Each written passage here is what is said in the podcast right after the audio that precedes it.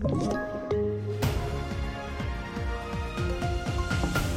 TV4-nyheterna börjar med att Vänsterpartiet inte är redo att släppa kravet på att ingå en S-ledd regering i utbyte mot att få stort inflytande över budgeten.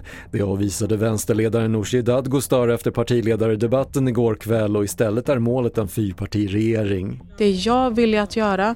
Jag sträcker ut en hand både till Socialdemokraterna och till Centerpartiet för att vi ska sätta oss ner efter valet och eh, eh göra en färdplan för, för Sverige. Kuba öppnar nu för första gången på 60 år för utländska investeringar inom grossist och detaljhandeln.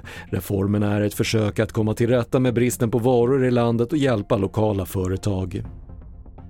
Och Sveriges första medaljer för idrotts-EM i München kom igår när Tobias Montler tog silver efter dramatik i längdhoppsfinalen.